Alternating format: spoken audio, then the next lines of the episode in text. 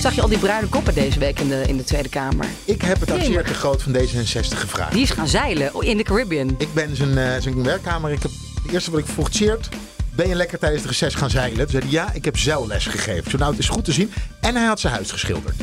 Dus hij had ook buiten gestaan. Daar was hij zeer eh, over te spreken. Hij zei, het was zo lekker om gewoon even lekker bezig te zijn en mijn huis te schilderen. Ja. En, eh, dus vandaar dat hij zo bruin was. Maar het viel erg op hè, tijdens het debat dat eh Tjeerd eh, even in de zon had gestaan. Ja, maar niet alleen hij, toch? Meneer de Groot van Meneer de Groot. Hij was niet de enige. Ja. Nee, nee, ze zagen er allemaal blakend van, van rust en vertrouwen en hers- gewoon hersteld eigenlijk. Ja, zij wel. Want wij hadden eh de eerste recessweek eh, de voorjaarsnota, de klimaatplannen. Ik moest naar Groningen toe. De week daarna kwam Zelensky kwam, eh, kwam, eh, kwam langs. Eh, er was ook veel om te doen. Wij hebben toch hartstikke druk gehad tijdens het reces. Kortom. Jullie wel. Ja, jij niet. Kortom, ja, word Kamerlid. wij zijn Doe zoals Bart van den Brink en word Kamerlid. ja, bij het hebben, we CDA. hebben twee nieuwe Kamerleden deze week gekregen. hè? Dus Ja, alweer. drie, drie. Nou ja, Weer twee nieuwe Kamerleden. twee, de CDA, na de leegloop zijn er twee nieuwe CDA'ers geïnstalleerd. Die boerin, Ja, hoe heet ze ook weer, verder toch? Ja. En eh, de politieke assistent, Voormalig. fluisteraar, voormalig politiek adviseur van eh Hugo de Jonge. Hugo de Jonge. De- Bart van der Brink. Ja. Ook, die had ook een complete uh, Waar kennen we hem wel van? Bart van der Brink van de sms'jes naar Siewert. Ja, en ik wilde hem dus interviewen. Ik rende naar hem toe. Ik zeg, Bart, Bart, Bart, mag ik je even nu, hè, nu ben je Kamerlid, verantwoording afleggen. En hij rende de zaal uit met zijn bloemen en zijn kinderen. Nee, nee, nee, je hebt nog tijd genoeg om mij te interviewen, Sophie. Dat ging natuurlijk over inderdaad de, de, de link die hij heeft gelegd. Ja, dat Dus, wilde eh, jij doen. Hè? Wij hebben een discussie over gehad. Van Seward en Hugo de Jong. Moet je dat nou, op de dag dat hij geïnstalleerd wordt, moet je hem dan gaan confronteren met die hele Ja, Siewert deal? ik vond van wel, hij vond van niet. Ja, ja, ja.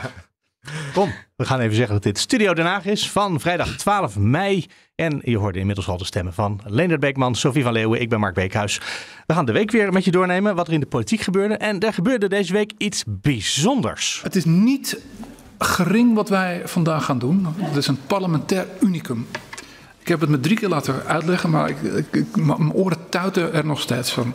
Een derde termijn van een initiatiefwetsvoorstel, dat gebeurt zelden. Leendert, dit was echt een hoogtepunt van de week, denk ik. Ja, ja, ja, ja. Martin Bosma, het einde Kamervoorzitter maken aan deze week. de, de, de tijdelijke huurcontracten.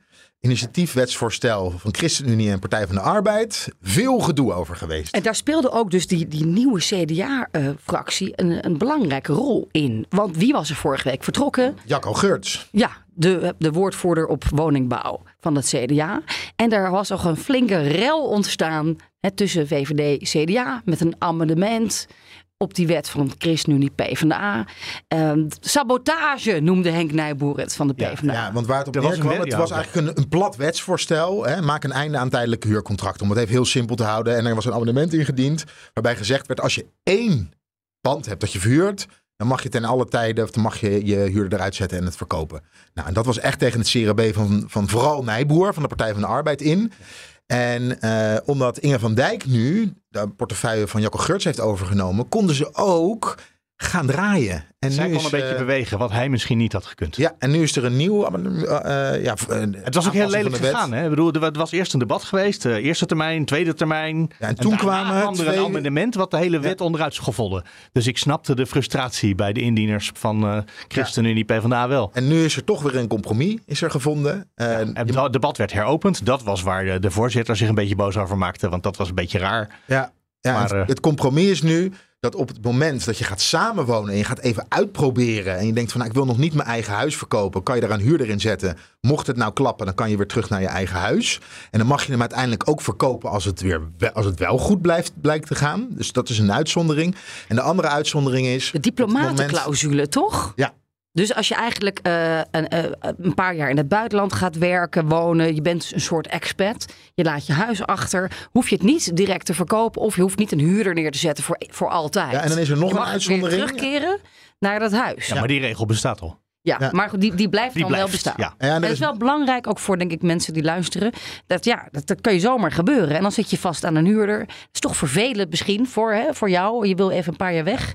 Dat je dan daarmee te, ma- te maken krijgt. En CDA heeft, eh, Henk Nijboer heeft over zijn hartje gestreken. Ja, er is nog een uitzondering. Hè? Dat op het moment dat je we een, eh, eh, een bloedverwant, een eerste, wand, eerste eh, Eerste graad, hoe graad, noem je dat? ja. Ja, bloedverwant erin was het een kind. Ja. Eh, dan mag je ook een huurder eruit zetten.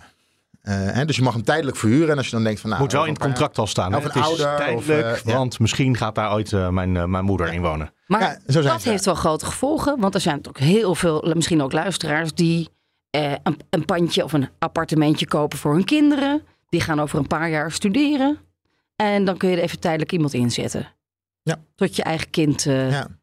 Eh, daar Ja, dit was iets wat een conflict was binnen de coalitie. Maar dat is mooi glad gestreken deze week. En als we het Ja, dan toch dat was leuk om te zien. Het was, het was eigenlijk het was een beetje ruzieachtig. En ze kwamen er nou, best wel netjes met elkaar uit. Zo. En de VVD heeft wel dankzij verloren, toch? het Want CDA. De VVD wilde heel graag gewoon voor iedereen die uitzondering mogelijk maken. Ja, maar ja, het CDA, voor het CDA is dit natuurlijk wel heel, heel erg belangrijk. Hè? De, dus de portefeuille ook van Hugo de Jonge. Zij willen hun sociale, lieve kant laten zien. Hè? Wij zijn ook eh, tegen crisis op de woningmarkt. Willen mensen helpen aan een huis. Willen huurders beschermen. Hugo de Jonge heeft, heeft zelfs eigenlijk de ruimte gegeven om zijn eigen voorstel opzij te zetten. Ja, maar Hugo de Jong is wel bang dat op het moment dat je geen tijdelijke huurcontracten meer hebt.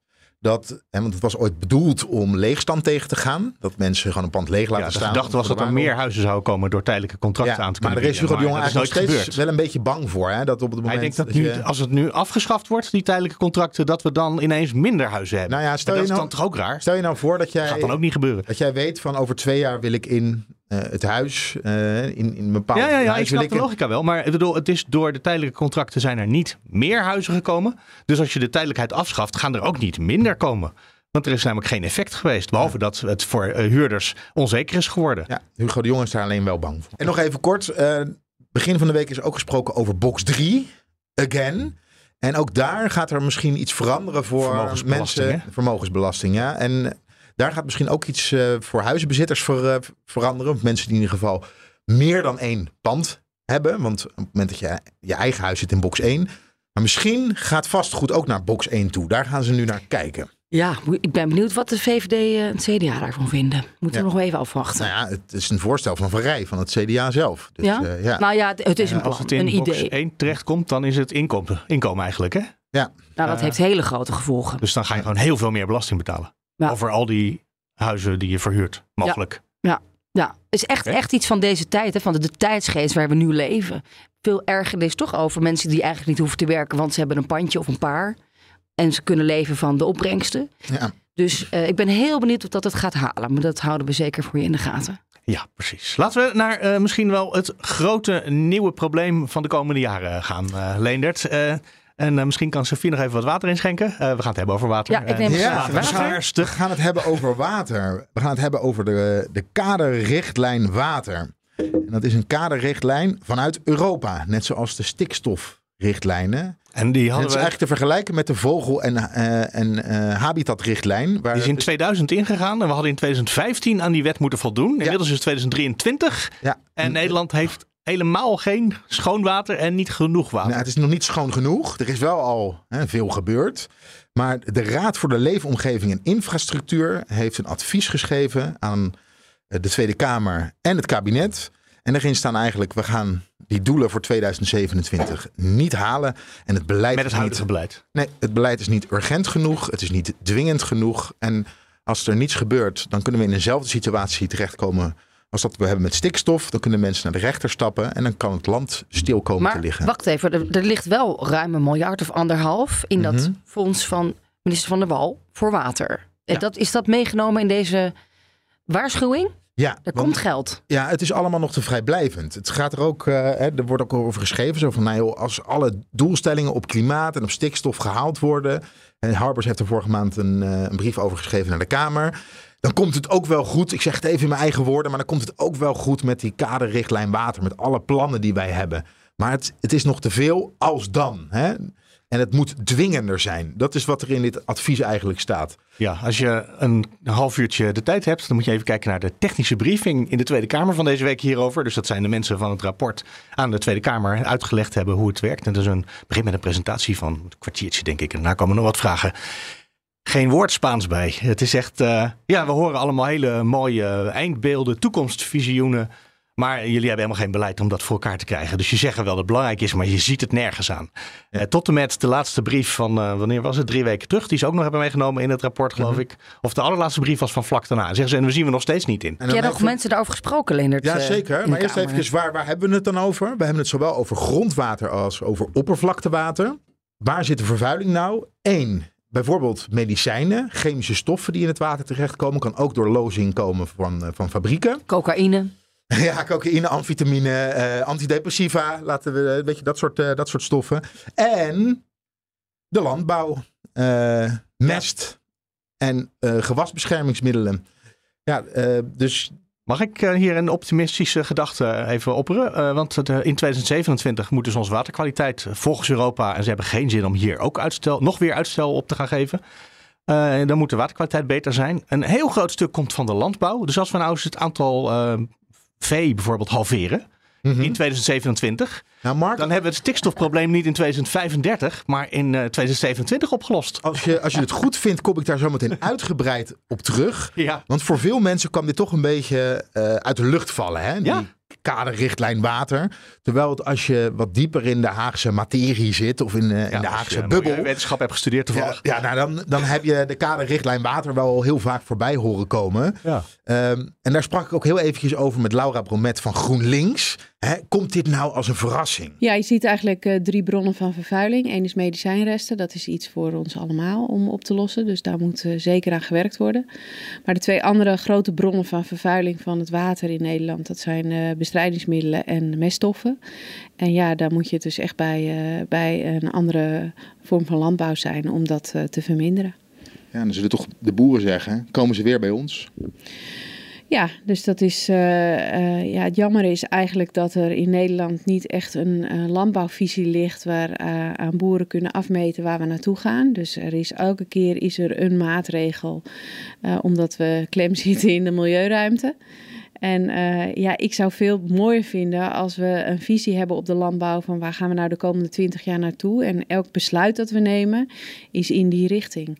En je kan wel zeggen dat doen we niet, maar dan word je elke keer gedwongen of door de rechter of door Europa of door omwonenden die het zat zijn. En dat lijkt mij, eh, ja, dat is ad hoc beleid, wat veel beter is om eh, vooruit te zien. Dat hoort bij regeren. Is het nu weer een kwestie van het moet van Europa? Nou ja, dat wordt vaak gezegd door tegenstanders. Maar ik zeg, eh, Europa, dat zijn wij. Wij hebben zelf die afspraak gemaakt. En niet omdat wij eh, eh, dat zomaar gedaan hebben. Maar omdat wij het belangrijk vinden dat we een schoon leefmilieu hebben. Dat wij ook dat wij een waterkwaliteit hebben waar de natuur kan floreren. Waar we als mens geen last van hebben. Dus dat is iets wat we als Nederland echt zouden moeten willen nastreven. Waar we ook internationale afspraken over hebben gemaakt. En wat je dus op zich al zou moeten willen. Ook al zou Europa niet bestaan. Wat u waarschijnlijk ook verweten zal gaan worden. Weer een stok om mee te slaan voor de linkse partijen, richting de boeren. Nou ja, kijk, het is wel zo dat als je kijkt naar alle problemen die zich nu voordoen, dan zijn dat voor GroenLinks geen nieuwe problemen. Wij waarschuwen hier al tientallen jaren voor. Dus eh, ja, het- je zou ook kunnen zeggen, het is het gelijk van de linkse partijen en we moeten nu de rommel gaan opruimen van de rechtse partijen. Als u dan eh, hoort dat er gezegd wordt gebrek aan urgentie, te vrijblijvend beleid, wat denkt u daarbij? Ja, dan denk ik niet verrassend. Dat is iets wat wij al jarenlang roepen. En ik hoop dat zo'n rapport ertoe bijdraagt dat ook partijen die wat minder eh, affiniteit hebben met een schoon leefmilieu daar nu eh, wel van doordrongen raken. Nou Mark, om dan even bij jou terug te komen. Wat staat er nou in het rapport? Om de KRW-doelen voor de maximale nutriëntenconcentratie eh, in het grond- en oppervlaktewater nog, nog onvoldoende zijn. Vertaald in mestbeleid, komen we bij de boeren, adviseren wij de minister van LNV. Zorg dat het mestbeleid aansluit op de doelen. Pas daarbij de regelgeving aan. En, en dan krijgen we ook nog room het aantal fosfaat- en dierenrechten dat wordt verhandeld stapgewijs af. Koop de rechten tegen een redelijke vergoeding op. Ja, nou ja, en dan komen we dus ook. We hebben deze Dit week. klinkt als, eh, als stikstofproblematiek. Nou, we hebben deze week het debat gezien over het transitiefonds, ofwel het stikstoffonds. En daar zei eigenlijk minister Van der Wal ook al op de vraag van, ja, gaan die provincies zich nou aan 2030 houden als in de wet 2035 staat? En toen zei Van der Wal, ja, weet je, die provincies moeten zich houden aan de kaderrichtlijn water voor eh, 2027 en aan de klimaatdoelen voor 2030. En dan wordt het, dan is het nogal gek, of het zou, eh, het zou, het zou apart zijn om dan stikstof te parkeren tot 2035. En daar heeft ze gelijk in. Ik denk dat zij al precies wist wat er in het rapport stond. Of in ieder geval had, een vermoeden had wat erin stond. Ja, en dit ze hadden wij weet ook kunnen gewoon. schrijven als wij ons een beetje hadden gegoogeld. Want het is eigenlijk, het is goed dat ze het opschrijven, maar het is geen nieuws. Nee, en het geeft verlichting in het stikstofdossier. In ieder geval voor Van der Wal. En met die vraag ging ik ook naar Tjeerd de Groot van D66. Ja, het benadrukt hoe belangrijk het is dat we werken aan schoon water. Want uiteindelijk gaat het over onze gezondheid. En als D66 hebben we altijd gezegd van nou ja, eh, wij willen graag die omgeving eh, schoner en gezonder maken. En op het moment dat je met water aan de gang gaat, dan moet je ook met stikstof aan de gang, toch? Of zie je nog een uitweg om dat niet te doen? Nou ja, het gaat allemaal eigenlijk over hetzelfde. Het gaat allemaal over hetzelfde. We willen onze leefomgeving, willen we gewoon ook voor de generaties na ons, willen we leefbaar houden. Um, en dat is de reden dat we, en dat is natuurlijk ook wel weer een mooi moment geweest, gisteren als Kamer toch hebben gezegd, ga aan de slag met die 25 miljard euro die nou ja, de belastingbetaler opbrengt om ja, te gaan investeren in de regio's, in onze natuur en het schone water. Wat ik goed vind aan het verhaal van uh, uh, Groot, is dat hij ook zegt dat het over gezondheid gaat. Dat is ook waar ze bij die technische briefing het uitgebreid over hadden. Uh, Karin Sloot, de onderzoeker, als ik dat goed zeg, want ik zeg het even uit mijn hoofd. Uh, die het dus ook, het gaat niet alleen over of er nou uh, brandnetels overal in Nederland groeien. Wat natuurlijk, dat kan je leuk vinden of niet. En zeggen dat is ook natuur. Dit gaat gewoon over gezondheid van mensen. Ja, absoluut. En maar ik ben wel, om toch even bij vee te blijven en bij de boeren. Ik ben bij een uh, informatieavond van Agractie geweest. En dan ging het ook over de waterkwaliteit. Ja, de boeren weten dat dit eraan zit te komen. Die, ja, zij, weten, weten, dit zij weten dit exact. En iedereen in die zaal, alle boeren zeiden, niet bij ons. Net zoals bij stikstof. Wij, en op mijn boerderij, op mijn erf, is het niet het geval. Bij ons is het water wel schoon. En we hebben het over de Rijn. We hebben het, uh, we hebben het niet over het slootje uh, achter de boerderij. Dus we gaan precies, precies een discussie krijgen zoals we dat bij stikstof hebben gehad. Ja, in dit geval kan je uh, wel heel makkelijk aantonen dat dat meestal niet waar is, wat die boeren dan kennelijk zeggen. Uh, want je kan gewoon kijken wat voor, wat voor beestjes erin zitten. En afhankelijk, daar kan je een score van maken. En dan weet je hoe zuiver het water is. Mm. Volgende week dus is de grote dag, 17 mei voor Piet Adema. Dan moet er misschien een soort van voorlopig onderhandelingsakkoord liggen voor de landbouw. Ook over mest. Dus daar gelooft toch niemand meer in? Ik ben benieuwd of we dat gaan halen. Hebben we weer wat te doen volgende Maar het hele akkoord komt er toch nooit? Ja, Laura Bromet van GroenLinks, die, die gelooft er niet meer in. En die denkt, dit gaat niet gebeuren. Geloof jij er nog in, Leendert?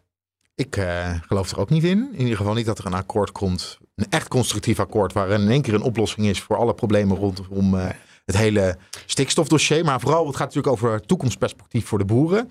En een, een, een verdienmodel voor de boeren. Kringlooplandbouw. Nou, daar komt geen antwoord op. Of een akkoord waar LTO, hè, dus de boerenlobby, zijn handtekening niet onder zet. Ja, en wat, ook, wat nu ook speelt, is dat, en dat zag je ook bij het debat over het transitiefonds, is dat er heel veel partijen, en zeker aan die landbouwtafel, maar ook in de Tweede Kamer, blijven sturen op innovaties in de landbouw. Ja. En blijven geloven in innovaties in de landbouw. Nou, niet, niet helemaal toevallig ligt NRC uh, op tafel hier. Studie kraakt stikstofapparatuur.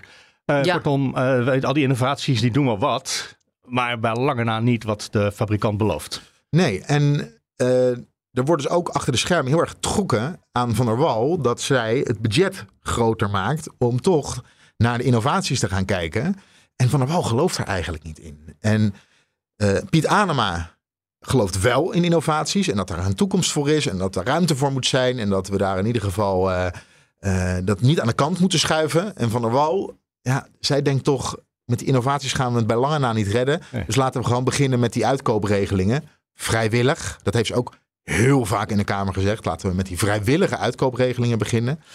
En dan ligt de bal weer bij de provincies. Zowel op het gebied van water. Als op het gebied van innovaties. Als op het gebied van die uitkoopregelingen. Ja, en dan moeten we weer naar die provinciale onderhandelingen gaan kijken. Want in elf provincies heeft heeft BBB het in ieder geval nog voor het zeggen. En Ja, overal behalve Utrecht hè, op het ogenblik. ja, en voor mij voelt het toch wel een beetje, en ik moet een beetje oppassen met de vergelijking die ik ga maken, maar ehm, het geloof in innovaties en in een andere weg om de problemen op te lossen hè, rondom de natuur. Het gaat, over, het gaat over natuurherstel. Laten we zeggen, de natuur is ziek. Ja. En het kabinet heeft nu, eh, ondersteund door de wetenschap, het idee, we kunnen de natuur weer beter maken door iets met stikstof te doen. En er wordt gekeken naar alternatieven, naar hè, alternatieve geneeskunde, moeten we het dan maar even noemen, naar innovaties. In de hoop dat dat gaat werken. En het geloof is groot Jij Maar denkt de dat eh, effectiviteit al die, ervan die is heel stikstofapparatuur, dat dat homeopathie is eigenlijk. Oneindige ja. verdunning Ja, van de- dat, van de dat, wetenschap. dat blijkt eigenlijk wel. Ja, ik denk dat er, eh, nou ja, mijn voorspellingen komen nooit uit, maar we hebben ooit een eh, energieakkoord gehad in Nederland en daar liep iedereen bij weg. Eh, en toen heeft uiteindelijk de politiek, want die hadden besloten dat ze een akkoord nodig hadden, met zichzelf een akkoord gesloten. Was natuurlijk dat is eh, voor de bühne. Niemand heeft er een handtekening onder gezet. Maar ja, we hebben een akkoord, zeiden ze toen. Maar dat waren dus eh, de politieke partijen met elkaar. En dat zou hier ook kunnen gebeuren. hè, Dat dus LTO wegloopt, de Agractie is al weg. Farmers Ja. Defence Force heeft al dit- heel lang niet Dit meer de rapport moet nog, eh, moet nog gepubliceerd worden. Dat is van de Universiteit Wageningen. Ja. En we gaan nu zien dat eh, de, tegen, tenminste de voorstanders van innovaties gaan zeggen... ja, dat klopt allemaal niet, de wetenschap. Terwijl op het moment dat het eh, een andere uitkomst had gehad, hadden ze gezegd... Ja, wij dat kijk klopt. eens, dit zeggen we al het. jaren. Dit roepen wij al jaren. En nu, nu eindelijk krijgen we ons gelijk. Dus of dit de oplossing gaat zijn... en dan zo, en, en de- ik denk niet dat iedereen nu eh, zal zeggen... ja, we gaan innovaties links laten liggen. Daar geloven we niet meer in. We gaan nu toch echt inzetten op stikstof. En de uitkopen. Phew. Nou, eh, we laten het even een, een weekje liggen. Volgende week zullen we het er vast wel weer over hebben. ja, dan- want er is een congres van D66. Er zijn nu zelfs deze de aankomende eh, zaterdag in Amsterdam, in de RAI. En er zijn nu dus D66'ers die roepen... moeten wij niet wat, eh, wat losser worden in dat stikstofstandpunt van ons? Moeten we niet misschien een compromis gaan sluiten rondom 2030? En gaat die motie het halen, Ja, Leendert? zo'n motie van een eh, D66 uit Alphen aan de Rijn. Nou, wat denken jullie zelf? Ik denk dat Alphen niet de allergrootste afdeling van Nederland is in, eh, in D66. Ik denk ook dat er wel veel boerderijen liggen in de buurt van Alphen Zeker, aan het is midden in het uh, Groenhart. Ja, dus uh, wel begrijpelijk standpunt. Ja, ja. Ja. als, ze, als ze dat aannemen, dan moet Chert de Groot weg. Dat is Ja. wel de consequentie daarvan, want die gaat natuurlijk niet iets anders uitdragen. Van, Ja, maar dan kunnen Dus ook wij alle lijsttrekkers, eh, provinciale lijsttrekkers eh, eh, weggaan. Want zij hebben namelijk voor de verkiezingen laten weten dat ze geen concessies willen doen aan eh 2030. Oké, dus die motie gaat het niet halen, is ons ja, en als hij het wel had, hebben ze echt een probleem in die partij. Nou, dan Nog een- hebben we het daar volgende week over, denk ik. Trouwens, eh, nog iets leuks, eh, Sophie. Eh, D66 wil toch een republiek weer van Nederland maken. Ja, daar is ook een motie ehm, op het congres zaterdag. Ehm, een groot voorstander daarvan is eh, natuurlijk voormalig D66-leider Alexander Pechtold. Leven de Republiek. Ja, laat Le- me even horen. Democraten, op ons volgend congres op 13 mei ligt een belangrijke motie voor. Een principiële, over de monarchie. Ja, voor mij als democraat eh, een no-brainer. Eh, erfopvolging bij de gratie gods. Eh, het stuit mij toch een beetje tegen de borst. Ik, hou- ik vind, zou het leuk vinden als die motie eh, het haalt. Eh, ik, ik heb begrepen dat daar neutraal ehm, eh, eh, advies op is gegeven. Dus de partij vindt het oké, maar het hoeft niet per se. Het hoeft niet per se. En wat ik in de wandelgangen merk, is dat toch ook best wel wat eh, D66'ers gesensibiliseerd worden. Ook wel door het Koningshuis. Worden uitgenodigd op Huis ten Bosch. Kom lekker lunchen. Eh, jullie zijn hè, belangrijke, getalenteerde Ne- Nederlanders. Ja, ooit dat, begrepen dat, dat verandert niet door het afschaffen van de koning, toch? nou, ik heb ooit begrepen dat Jan Paternotte, bijvoorbeeld de huidige fractievoorzitter, dat hij geen republikein is. En dat vind ik toch wel, dat is toch wel zorgelijk. Tenminste, voor Alexander Pechtold, dat de nieuwe generatie niet uitgesproken eh republikein is, zelfs, zelfs monarchist, denk ik. Dus de partij is verdeeld. Het zou ook heel bijzonder zijn als de partij van de kroonjuwelen van de kroon af wil. Ja, Toch? Ja, die hadden we toch allemaal weggesmeten. Oh, die waren al weg. Dus ja. vandaar dat Pechtold nog één keer probeert. En eh, ik ben benieuwd of er een meerderheid komt. En, ja, en dan nog hebben we geen Kamermeerderheid. SP is, is ook eh, volgens mij al lang heel klaar, al lang klaar met de monarchie. Wil ook de republiek terug. Maar de meeste Nee, partijen, dat hebben ze losgelaten. zelfs de SP Ja, heeft dat zelfs de SP, losgelaten. ja, als ik het even uit mijn hoofd doe, heeft ooit de SP gezegd, dat laten we los. Daar, eh, daar is jaren terug, daar is gewoon niet genoeg draagvlak voor. Eh, we, gaan daar, we, we- zetten daar niet meer op in. Voor mij is het uit het verkiezingsprogramma E- gehaald. Eigenlijk is er dus in de Tweede Kamer meer vertrouwen in het Koningshuis dan in de samenleving. Want daar schommelt het zo rond de 50% historisch laag. Maar het parlement wil de koning lekker in, op de troon houden. Ja. En in de Nou, is samenleving is er weer geen vertrouwen in het parlement. Nou, Ja. dan is het, dan is Ja, het een cirkeltje rond. Ja, misschien zit daar toch een verband. Je moet toch beter, beter naar, je, naar je volk gaan luisteren, Den Haag. Bij deze oproep. Maar goed, Maar het is wel een heel mooi bruggetje. Heel mooi geeft Leendert dat aan. Want we gaan het ook nog hebben over vertrouwen in de politiek. Ja, dat was natuurlijk. Eigenlijk hebben we het hier al sinds de vertrouwenscrisis eh, te vaak over. Maar er, er kwam weer een rapportje naar buiten. Ik geloof dat toch hooguit een kwart van de Nederlanders. Vertrouwen ehm, heeft in politici. eh, in de Tweede Kamer. Tweede Kamer. En 20% in politici. Ja. ja. Tweede Kamer scoort echt heel erg slecht. Eh, dat hebben ze natuurlijk ook een beetje zelf naar gemaakt. En eh, de afgelopen, denk ik, periode. Ehm, Hoe Ja. dan? Wat, wat is uiteindelijk wat de Kamer gedaan heeft, waardoor we er geen vertrouwen meer in hebben? Nou ja, sowieso. Hè. We hebben het natuurlijk heel vaak over. We hebben een rapport gehad van Kees van der Staaij van de SGP.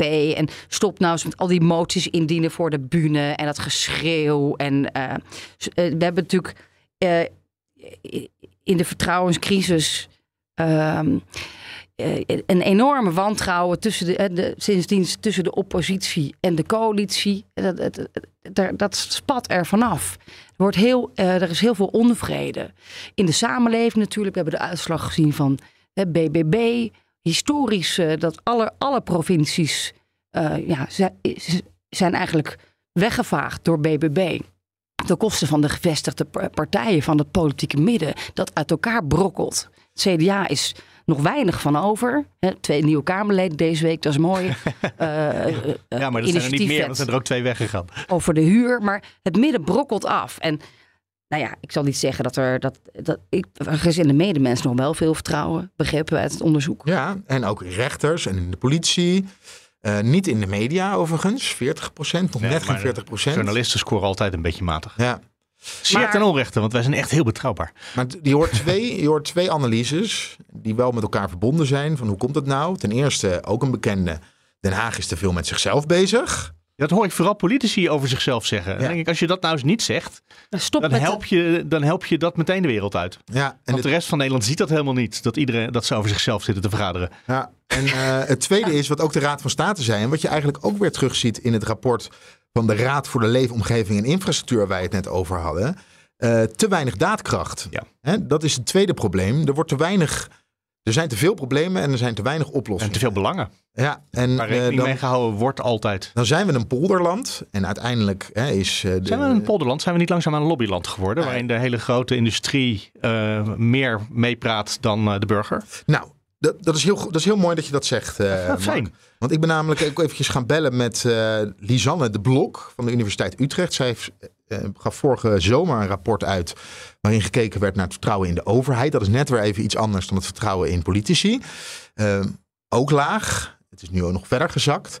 Maar daar werd, dat- zij benoemde dat ook. Eh, dat dat ook een van de, van de problemen is. Eh, maar onder andere ook ja, daadkracht. Dat Ja. is ook... ehm, Ja, het best- het bestuur loopt eh, behoorlijk vast.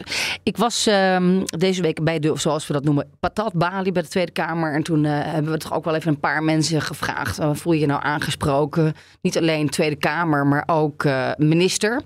En ik sprak onder meer met collega-journalist Leonard Leonard Ornstein. Ehm, met minister Jezielgus, die kwamen we tegen. Ook een beetje naar aanleiding van een uitspraak van Lodewijk Asscher afgelopen week in eh, het Parool. Die is natuurlijk nu twee jaar weg uit de politiek. Hij werd best wel toch wel eh, was geliefd en geroemd als politicus eh, in Den Haag. Ehm, veel mensen vinden het jammer dat hij weg is. En hij zegt: ehm, Ik geloof nog steeds in politiek. Ehm, de politiek als middel van hoop en verandering. Eh, Maar dat tijdsbeeld is veranderd. De politiek wordt nu in deze tijd belachelijk gemaakt als eh, zakkenvullers of leugenaars weggezet. En dat vindt Asje gevaarlijk. Nou, die vraag hebben we ook even voorgelegd aan Jezilgus, de minister van Justitie en Veiligheid. Je vraagt aan mij of ik in de politiek geloof. Natuurlijk geloof ik in de politiek. Dat is mijn leven op dit moment. Dus het zou heel raar zijn als ik daar niet in zou geloven. Kijk, wat betekent voor mij geloven in de politiek? Dat is geloven in het democratisch stelsel dat we hebben. En de manier waarop we dat met elkaar hebben ingericht en hoe ik daarin probeer te functioneren. Daar geloof ik zeker in. Eh, tegelijkertijd, als ik zie dat er een heel laag vertrouwen in ons is als politici, ja, dat moet, ik me, dat moet ik me wel aantrekken en dat doe ik dan dus ook. Ik vind dat het onderdeel is van mijn werk om dat gat kleiner te maken. Dat, Moet je dan niet als politicus stoppen met honderden woordvoerders hè, om je heen bouwen en jezelf te beschermen? Van de burger tegen de burger, tegen de, de media. u weet in ieder geval van mij dat ik dat nooit doe. Ik ben benaderbaar, ik ben er, je kunt me altijd vragen stellen. Sterker nog, half Nederland kan me vragen stellen, gewoon via de DM op Twitter of op Insta. Uh, en dat heb ik altijd zo gedaan, als raadslid, als Kamerlid. En dat is geen klap veranderd nu ik hier zit. Omdat mijn rol voor mij niet veranderd is. Ik ben nog steeds dienend. Ik ben nog steeds dienend richting de politie, richting de BOA's, richting de mensen die ik veilig probeer te houden. Mijn werk is hen dienen. Dat kan alleen maar als ik vervolgens ophaal. King Charles Charles. Nee, nee, nee. Wel. Die dient ook de, het Britse volk. Thank you. Als je, als deze weglaat, zou ik het erg waarderen. maar zo, zo kijk ik er echt naar. Elk werkbezoek naar de politie. En mijn eerste en laatste vraag daar is altijd, als ik er binnenkom, wat heb jij nodig om je werk goed te kunnen doen? Want in die toren in Den Haag werken wij voor jou. Het kan nooit andersom zijn. En daarmee wil ik niet zeggen van ik, ik doe dat wel goed en de rest niet. Zeker niet. Dit is de kern. En dit moet je elke keer beter doen. En zolang dat percentage zo laag is, doen we dat niet goed, denk ik. Dus ik ook. Dat trek ik me gewoon aan. Dat kan niet anders. Maar is het uh, ingewikkelder niet dat de politiek eigenlijk ook vaak niet zoveel kan? Hè? Wat Obama bijvoorbeeld in zijn speech vorige week in Amsterdam zei. Dat de marges eigenlijk maar klein zijn. Je kan minder dan je eigenlijk zou willen. Uh, ja, maar dat is, dat is waar. Dat is waar.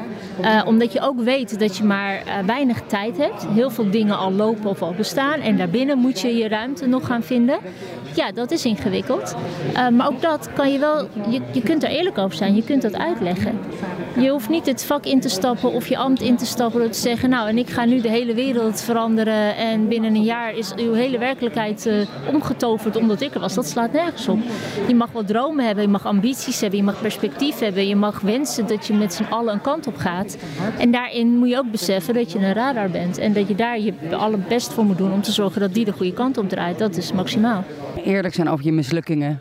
Vooraf al, bij voorbaat, in de campagne al. Je moet, je moet gewoon duidelijk zijn in. Um, kijk, de perspectief waar je naartoe wil, een droom, een ambitie, is volgens mij heel mooi. Maar voor alles, of dat nou privé is in je werk of ik in mijn vak, moet je het kunnen opknippen en daarna zeggen: en daarvoor zijn deze stappen nodig en daar ga ik mij nu voor inzetten. Kijk naar mij, ik ben verantwoordelijk voor de aanpak van georganiseerde misdaad, samen met heel veel mensen in het veld. Daarvan heeft u me afgelopen anderhalf jaar vooral horen zeggen dat ook degenen die na mij komen deze strijd zullen voortzetten. Ik zal hem niet afronden. Ik weet niet of die ooit afgerond gaat worden. Maar ik weet wel wat mijn doelen zijn voor deze komende jaren om ervoor te zorgen dat ik alles op alles heb gezet. Om dat verschil wel te maken, waardoor wij in dit geval dat ons land minder aantrekkelijk is geworden voor drugscriminelen. Waardoor journalisten, advocaten, rechters weer vrij over straat kunnen. Het liefst had ik gezegd, waardoor geen drugscriminelen meer in dit land zijn. Maar wij weten allemaal dat, dat ik dat niet in een termijn waar kan maken. En misschien al diegenen na mij ook niet. Omdat geen enkel land vrij is van dit soort tuig. Maar ik weet wel wat ik kan doen om stap voor stap ons land veiliger te maken. En dus volgens mij kan je het heel goed combineren met ambities, perspectief voor waar je naartoe wil. Waar je vindt dat het land naartoe zou moeten. En dan wat is mijn rol daarin? Dat vind ik niet per se mislukkingen, maar het is vooral eerlijk zijn over al die stappen die ervoor nodig zijn. Heb geduld, burger ga ik de politiek. Dat is eigenlijk wat u zegt. Kijk, ga ik tegen mij Het nou, kan allemaal niet morgen opgelost zijn. Ja, maar weet u, maar dan gaat u ervan uit dat ik denk dat de burger ongeduldig is. Ik ben, ik ben uh, op zijn minst dan in dat geval net zo ongeduldig. Uh, en, maar ik heb, ik heb geen enkel ding bij de burger neergelegd in dit geval. Als het gaat over een laag vertrouwen, uh, dan vind ik dat je naar jezelf moet kijken. En ik kan dat doen vanuit mijn rol in de politiek, in het kabinet. maar wil ik echt een verandering, dan moet ik het gewoon persoonlijk bij mezelf. En dit zijn mijn stappen. Nou, krijg je hier vertrouwen van? Jezilgus, de minister van Justitie. Ik heb haar nooit gesproken, maar als je er in kamerdebatten ziet, dan geeft ze. Dan is ze heel behendig in het niet antwoorden van vragen. Stap voor stap. Ja, nou ja, dat soort. Mark Rutte kan dat natuurlijk ook heel goed. Um, dus je kan misschien, ze is misschien wel heel benaderbaar wat ze zei. En misschien kan je er via DM ook wel vragen stellen. Heb ik nooit geprobeerd.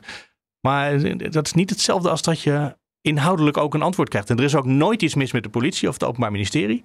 En dat, dat geloof ik niet. Ik bedoel, ik er gaat van alles goed bij de politie, maar er gaat ook wel eens wat mis. Dan komen er vragen in de Kamer. En dan, uh, nee, dan gaat ze daar alleen maar voor staan. En dan, dus dan krijg je, ja, dan krijg je geen antwoord. Ik, dit, ik, Hij is niet helemaal waar, toch? Want ze heeft namelijk ook... En JNV is niet helemaal onze portefeuille. Nee. Maar er was een uh, speciale eenheid opgericht om... Uh, speciaal om de georganiseerde criminaliteit aan te pakken. Daar ja kwam totaal geen output uit. Die heeft ze vorig jaar, vlak voor de zomer, heeft ze de nek omgedraaid. Ja. En ze is bezig met de... Nee, maar ik zeg niet dat ze niks doet. Ik zeg alleen als je er een vraag stelt, krijg je niet per se een antwoord. Oké. En ze is waarschijnlijk hartstikke goed bezig. Dat weet ik, dat weet ik helemaal niet. Want wat je zegt, dat is niet ons domein. Uh, we doen er niet zoveel mee bij BNR. En uh, het is wel helemaal geen energie en klimaat. maar, uh, maar dus, ik, ik weet niet. Je kan, bij benaderbaarheid vind ik nog niet hetzelfde als dat je een, ja, dat je een vraag stelt en een antwoord krijgt. Mm. Maar goed, misschien, daar is, uh, zij, is, zij is wel heel benaderbaar, zijn, ja. terwijl we hier naar luisteren. Ja, we hebben ook nog wat, uh, wat Kamerleden gevraagd natuurlijk. Ja, hè, kijk, naar, kijk even in de spiegel en uh, hoe zit het met vertrouwen. En ook nog um, Van der Plas van BBB liep voorbij. ik we vroegen niet per se weer te horen hoor. Je zit elke week al in ja. ja, heel kort. Maar we vroegen ja? haar, wie, wie vertrouwt u nou? Pieter Omzicht vertrouw ik het meest. Daarmee zou ik blind, nou ja, zeg maar ergens naartoe gaan of ja, ik wil niet zeggen. Kijk, dat is dus ook weer zoiets. Je zegt Pieter Omzicht, oh, dus die andere 149 niet. Dus dit kan ook weer ons beloffen. Hè? Oh, ze vertrouwt 149 Kamerleden niet. Dat is dus ze vertrouwt alleen Pieter. Nee, dus hier moet je dus ook weer genuanceerd mee omgaan. Jij vraagt mij wie vertrouwt u het meest? En dan zeg ik Pieter Omzicht. Heeft u Pieter Omzicht nog gesproken tijdens het reces? Ik heb hem wel even gesproken, ja. Komen jullie nader tot elkaar? ik moet hem nog even wat langer spreken, maar over meerdere dingen. Dus uh, dat ga ik zeker doen. Maar ik heb nog gesproken, ik heb redelijk veel contact met hem. Ja. Oh, dit vind ik wel een inzichtelijk quoteje. Je hoort hier iemand die alleen maar bezig is met de beeldvorming. Uh, ik heb iets gezegd over Pieter Omtzigt en dan maakt ze zich meteen zorgen dat jij denkt wat jij niet gezegd hebt en ook niet gevraagd waarschijnlijk, want het, het zit er niet in. Uh, oh, dus 149 mensen niet. 148 trouwens, want is, anders zouden ze geen vertrouwen in zichzelf hebben. Dat zou ook heel dom zijn. Ja. Uh, maar dit is, uh, dat is toch inzichtelijk. Dat uh, is inderdaad, ja, dat wisten we ook wel dat het een PR-mevrouw is. Maar ja. Maar nou ja, en... over iemand waar geen vertrouwen of weinig vertrouwen in de politiek is, dan is het Pieter Omzicht. Zijn Thorbecke-lezing, hij is echt een, het is een pamflet om in ieder geval de manier waarop dit moment bestuurd wordt door het kabinet. En ook om een aantal grondwetwijzigingen de, de, ja. in te gaan voeren om de boel weer democratischer te maken. Want hij, heeft, hij is bijzonder kritisch. Maar dat delen ze toch? Dat vindt de BBB toch ook? Dat ja, en het ook, bestuur niet lekker loopt? Die, um, die, die, die Sander de Blok die ik sprak, die zei ook van... Ja, die onderzoeker? ja, die onderzoeker van de Universiteit Utrecht zei... Vroeger hadden we dezelfde samenleving. En laten we even teruggaan naar de jaren 50. Dat is heel simpel. Uh, daar was het verhaal gebaseerd op ideologie. Of het nou het socialisme of het christendom was of het liberalisme. Er zat een duidelijke ideologie, een duidelijke boodschap achter. En daar geloofde je wel of niet in. En daar had je vertrouwen in en dan stemde die op. Nu zijn we in een situatie terechtgekomen dat we bij de vorige verkiezingen hebben gezien. dat een groot deel van het electoraat zijn stem niet op een ideologie of in een geloof. of uh, in, daar een vertrouwen in, uh, in, in heeft. Maar juist op wantrouwen zijn stem uitbrengt. En dat is wel een, een, een zorgelijke situatie natuurlijk. Want eigenlijk is de stem die uitgebracht wordt dan uh, in het niet. Wel, het is toch wel van alle tijden dat je dan uh, een tijdje een VVD-CDA-coalitie hebt gehad in de jaren 90 of 80. En dat dan daarna iedereen denkt, nou dit was het niet. Gaan we ja, nu maar, eens even de, de PvdA groot maken. Ja, maar door de jaren heen, als ik haar mag geloven, is uh, het alternatief. Hè, dan kan je met een alternatief. Dan kan je met een, met een, met een groots verhaal. Zo staan wij. Hè, dus de, de kabinetten Lubbers waren, we waren voorbij. En uh, Kok kwam, kwam met paars. En met het neoliberalisme, ja, de derde weg, of uh, de, de, vierde, hoe, hoeveelste weg was het ook alweer? De derde de, weg. De, de, derde, toch? Ja. De derde weg, ja. Nieuw Labour. Ja, kwamen ze met, hè, met, een, met, een nieuw, met een nieuwe ideologie waar hoop in zat. Hè? Een, een, een, een, een, een nieuwe weg voor een nieuwe, nieuwe samenleving die we nastreven.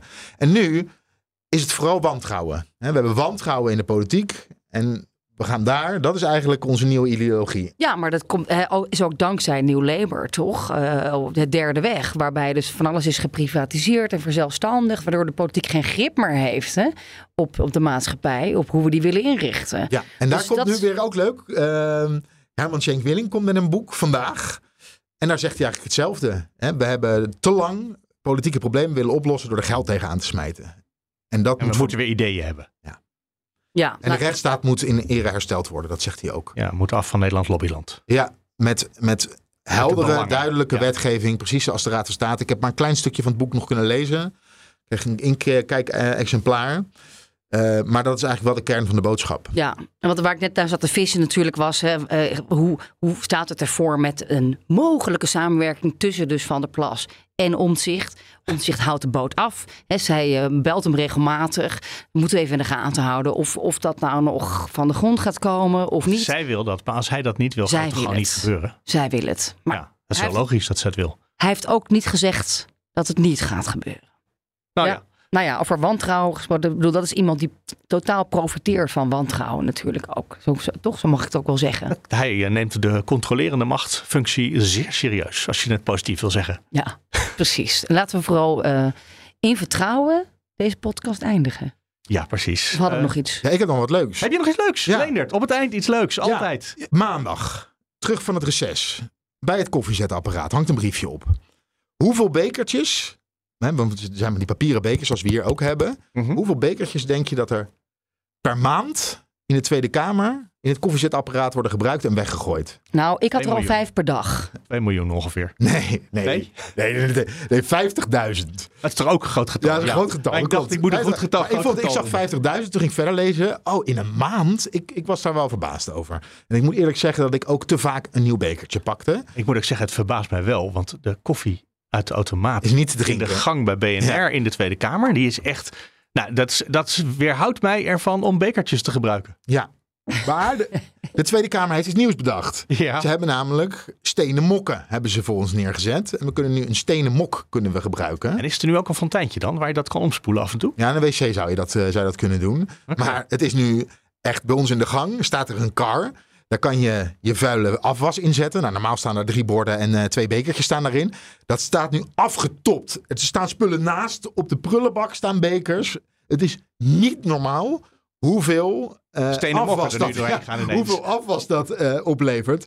En het is ongeveer het gesprek van de dag. Als je door de gang loopt en je bent in de buurt van het koffiezetapparaat, spreekt iemand je erop aan. Zo van, "Ah, moet je nou kijken. Ik vraag me af of dit nou eigenlijk wel beter voor het eh, milieu is. Want er moet, dit moet allemaal afgewassen eh, gaan worden. Laten we zeggen dat die, eh, die, die mokken iets vaker gebruikt worden dan die, eh, dan die papieren Ja. bekertjes. Maar het zullen zeker 10.000 mokken zijn dan in een, in een maand die afgewassen moeten worden. Hoeveel mensen werken er op zo'n gang? En Ja, wat, het is niet alleen de gang, het is de hele Tweede Kamer. Hè? Het- Ja, oké. De hele Tweede Kamer is het. En wat betekent dat voor de waterkwaliteit? ja. ja, maar het is een enorme bende bij ons op de gang nu. Ja. Omdat het helemaal vol staat met, eh, met koffiemokjes. Want kennelijk heeft wel het regime aangepast. Maar het ophaalschema van eh, de, de afwaskar, die staat nog op het oude regime. Ja, en dat, eh, dat strookt niet met elkaar. Ik Nou. me net trouwens, het is een keer uitgezocht. De levenscyclusanalyse van papieren bekers versus eh, stenen mokken die je afwast.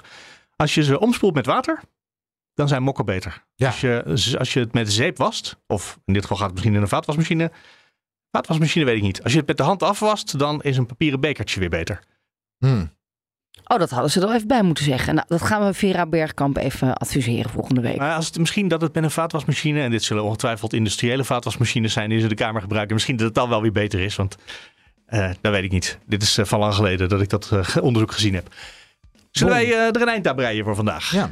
Mooi. Volgende week, korte week, drie dagen, alles eh, bovenop elkaar. Anderhalve dag eigenlijk. maar. dinsdag en woensdag. Maandag is er nooit zoveel in de Kamer. Oh ja. Het is eh gehaktdag, eh, woensdag. Oh, dus woensdag wordt wel heel druk. Verantwoordingsdag. En vorig jaar bij Verantwoordingsdag kregen we natuurlijk te horen, zoals al die jaren daarvoor, maar dit keer was het net even iets erger, dat het begrotingsbeleid op de ministeries eh, niet voldeed. Eh, zeker bij VWS, er waren te veel bonnen weg. Er werd niet, ge- het werd niet allemaal netjes eh, verantwoord, hè, waar alles aan uitgegeven was. Dus ja, Sophie, wat denk jij? Kunnen we op beterschap rekenen? Nou, we zaten toen nog met de coronatoestanden. Dus ik denk wat dat betreft dat het iets rustiger is geworden op eh, het ministerie van Volksgezondheid. Hoop ik. Maar ehm, eh, energiecrisis, het zou wel een bende zijn, toch? Geweest ook, afgelopen jaar.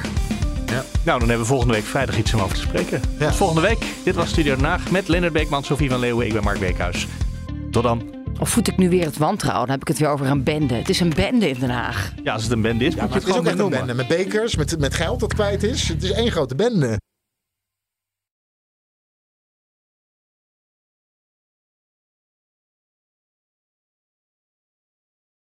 Ook Thomas van Zeil vind je in de BNR-app. Je kunt live naar mij luisteren in Zaken doen. De BNR-app met breaking news. Het laatste zakelijke nieuws. En je vindt er alle BNR-podcasts. Bijvoorbeeld Het Nieuwe Geld. Download nu de gratis BNR-app en blijf scherp.